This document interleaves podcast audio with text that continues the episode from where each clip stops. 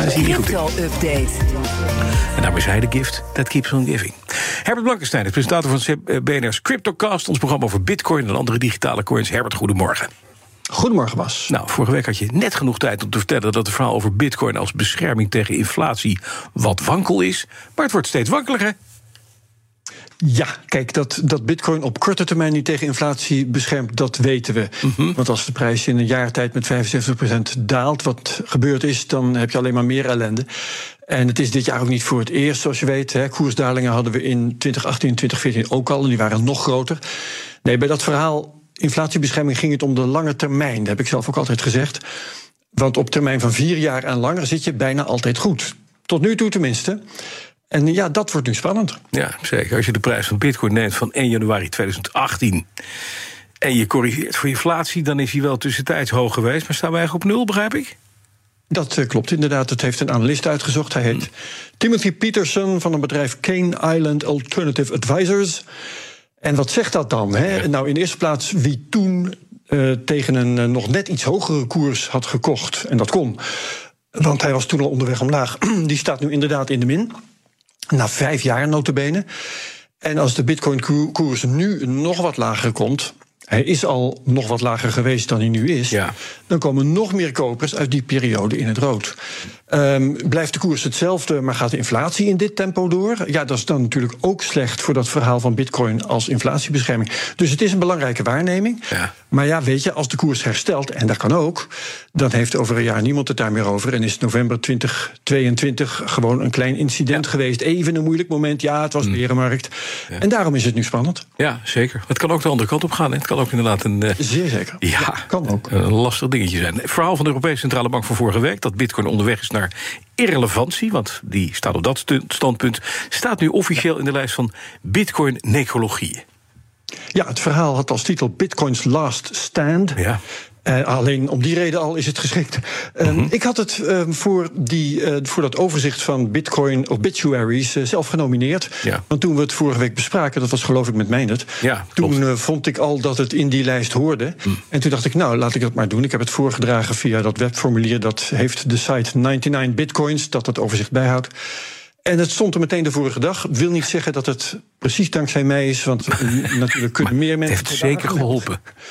Ja, want eh, dat doen, eh, dat aanmelden, dat lag behoorlijk voor de hand. Ja, nou gaan we even naar de Amerikaanse grootbanken. We weten Morgan Stanley vermoordelijk is tegen bitcoin. Maar Goldman Sachs gaat tientallen miljoenen in crypto investeren juist. Dat is interessant. Ja, dat hebben ze bekendgemaakt via Matthew McDermott. Hij is hoofd Digital Assets.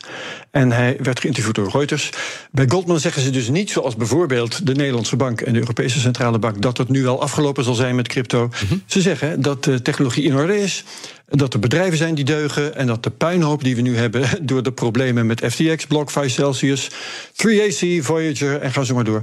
Dat die juist kansen biedt. Ehm, doet denken aan het motto van Warren Buffett. Je weet wel dat je bang moet zijn als anderen hebzuchtig zijn. En hebzuchtig als anderen bang zijn. Eh, Buffett trouwens, die zit zeker niet in crypto. Die vindt Nee. dat hij geen geld moet steken in iets wat hij niet snapt. En dat is ook een uitstekend standpunt. Absoluut. Dus zit hij in treinen bijvoorbeeld. En dat doet hij vrij Ja. goed, toch? Ja, want dat begrijpt hij. Eh, een- bedrijf en een app, Strike, bracht bitcoin naar El Salvador.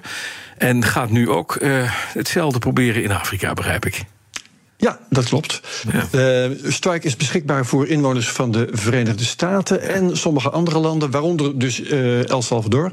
Komt nu ook in Nigeria, Kenia en Ghana om te beginnen. En wat kun je dan? Dan kun je vanuit de VS bitcoin sturen naar inwoners van die landen. Andersom kan trouwens ook. En het geld komt dan aan als bitcoin als je dat wilt, maar kan ook als je dat wilt als lokale valuta meteen op een bankrekening. Ja. En dat is dan mede met dank aan het Lightning Network. Dat bespreken we hier vaker, dat betaling in bitcoin snel, energiezuinig en goedkoop maakt. Ja.